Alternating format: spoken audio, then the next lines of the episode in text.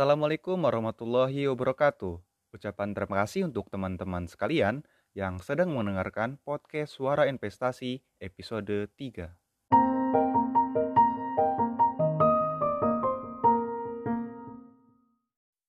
Ya, jadi begini Pak Teguh. Ceritanya nih, saudara dan kawan-kawan saya bertanya, ya, Alba, kamu kan kuliah di Universitas Islam Negeri gitu ya. Jurusan syariah, hukum ekonomi syariah. Nah, terus dia tanya, kira-kira eh, pendapatmu tentang saham itu judi apa enggak sih kata mereka. Nah, terus saya jawab lah dengan seala kadarnya. walaupun ya saya juga baru kemarin semester kemarin sih uh, apa belajar tentang hukum pasar modal uh, setelah itu saya keluarkan ayat-ayat tentang waishir ya alhamdulillah sedikit paham terus juga ada kawan ya saya juga tuh yang bilang kamu kan main saham kira-kira sehari penghasilan kamu bisa dapat berapa tuh nah terus kata kata saya saya jawab lah saham itu bukan mainan, eh, tapi saham itu suatu bentuk kepemilikan suatu perusahaan. Nah, terus mungkin Pak Ustadz Muhammad Bagus Teguh Perwira LCMA bisa menjelaskan pendapat Pak Ustadz tentang pertanyaan-pertanyaan tersebut, pertanyaan kawan saya. Mungkin dari podcast Suara Investasi ini bisa membuat kawan-kawan e, terbuka gitu. Kalau langsung dianalogikan oleh uh, Dewan Syariah Nasional MUI bidang pasar modal. Nah, gitu Pak. Kita harus pahami apa itu pasar modal. Namanya juga pasar, tempat bertemunya antara atau mekanisme bertemunya antara penjual dan pembeli, gitu. Kalau di training-training saya suka suka sampaikan tuh, ketika yang dijual ikan pasti namanya pasar ikan, ya kan? Tempat penjual dan pembeli ikan bertemu pasar ikan. Ketika disebut ketika objek jual belinya itu adalah kain, baju, namanya pasar tanah abang gitu kira-kira kan gitu. Itu kan pasar juga. Ini yang diperjualbelikan adalah efek, maka disebut dengan pasar modal. Nah, judi atau tidak judi, maka kita harus pahami judi itu apa.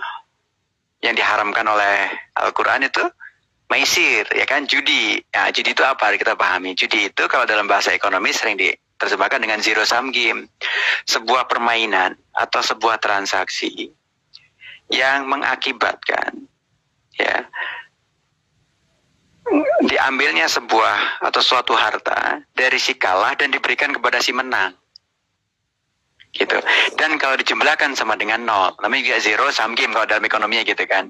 Jadi taruhan misalkan gitu. Bahkan judi kadang nggak spekulasi ya taruhan pertandingan bola misalkan gitu antara MU sama uh, Persib misalkan gitu.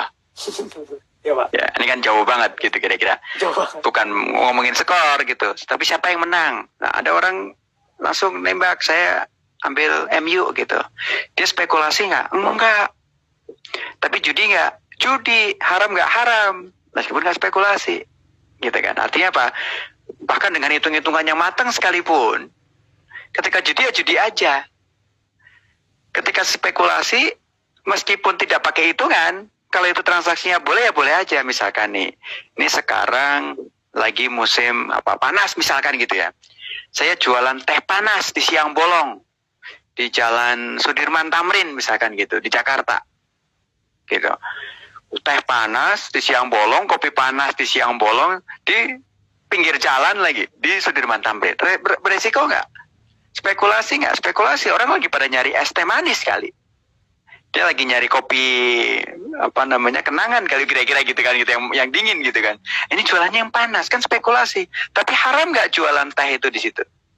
Teh, panas gitu, teh panas. Enggak, nggak haram. Meskipun dia spekulasi, tapi dia bukan judi. Yang diharamkan adalah judi. Nah, transaksi saham, ketika saya beli saham, Kemudian sore ini, oh kok udah untung, saya jual, saya untung dong. Orang yang jual dari saya tadi pagi, rugi nggak? Nggak rugi, karena bisa jadi dia waktu belinya lebih murah lagi dari waktu pada saat dia jual. Betul. Ya kan. Nah, boleh nggak jual barang dengan dengan rugi misalkan? Ya boleh. Maka ada istilah fikih namanya muwaldoah atau walbiah, bukan pakai dal, pakai dot. Itu artinya apa? Jual rugi. Saya punya barang nih. Barang ini saya jual nggak laku-laku. Misalkan saya jualan spidol gitu. Spidolnya nggak laku-laku nih daripada spidol kering saya jual murah deh. Saya belinya harganya katakan 5000 saya jual 4000 aja deh. Yang penting laku jadi duit dulu gitu kan. Boleh nggak jual rugi? Boleh, namanya muwatoa. Nah, tapi belum tentu orang yang beli dari saya karena saya jual rugi tadi, kemudian dijual lagi misalkan gitu, untung belum tentu juga bisa jadi rugi lagi gitu kan. Jadi bukan hmm. bukan zero sum game sehingga perdagangan saham karena saham adalah perusahaan, karena saham adalah bukti atas atas eh, kepemilikan atas perusahaan, maka ya bisa untung bisa rugi. Nah, maka Ibnu Taimiyah mengatakan risiko itu ada dua risiko yang memang harus diambil oleh seorang pedagang itu hukumnya boleh bahkan disebutkan malabud damin hu jadi harus diambil oleh seorang pedagang yaitu risiko perdagangan. Tapi ada risiko yang dia mengandung unsur judi taruhan dan sebagainya. Ibnu mengatakan ini risiko yang haram ini yang judi. Jadi kita lihat ini perdagangan murni saham gitu nggak pakai tipu-tipu nggak pakai apa judi nggak enggak. Tapi ada nggak saham dipakai buat judi? Bisa jadi ya bisa jadi. Contohnya apa? Contohnya ini bukan di bursa efek Indonesia. Ada jual beli indeks. Indeks itu ada barangnya nggak? Nggak ada. Cuman tebak-tebakan harga. IHSG sekarang berapa? 4000 sekian. Ya saya beli beli apa? Beli kok IHSG Beda dengan saya beli Telkom, saya beli BRI Syariah, saya beli apalagi ya, uh, Adaro dan sebagainya. Ada barangnya. Telkom ada kantornya, ada ada perusahaannya, BRI Syariah ada perusahaannya, Adaro ada perusahaannya, Unilever ada perusahaannya, Australia Indonesia ada perusahaannya. Sementara IHSG itu nggak ada barangnya. Nah, banyak kan, ada di bursa yang lain yang tradingnya uh, indeks misalkan gitu, indeks luar negeri lagi gitu kan misalkan gitu jadi itu kan nggak nggak menggambarkan atas sebuah fisik barang yang diperjualbelikan karena dia cuma nah itu itu baru masuk dalam kategori yang judi nah, anda harus pisahkan mana yang masuk judi mana yang saham apalagi Anda pakai SOTS ya, sistem online trading syariah yang ada di perusahaan-perusahaan sekuritas, di anggota bursa, termasuk mungkin di di, di, di Pintraco juga misalkan gitu.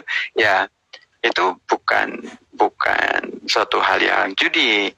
Oke, terima kasih untuk Pak Ustadz Teguh atas jawabannya yang sangat singkat, padat, dan jelas yang menurut saya juga analogi-analogi yang diberikan sangatlah kompleks sehingga saya sebagai pendengar bisa paham dan memahami apa yang disampaikan oleh Pak Ustadz tadi. Dan terima kasih juga eh, kepada teman-teman yang telah mendengarkan podcast Suara Investasi. Semoga apa yang didengar dapat membuka wawasan teman-teman tentang investasi dan pasar modal. Dan jangan tertipu atas judul yang kami berikan, e, karena itu adalah strategi untuk memancing kawan-kawan untuk mendengar agar selalu mendengarkan episode-episode selanjutnya. Sampai jumpa dan terima kasih. Wassalamualaikum warahmatullahi wabarakatuh.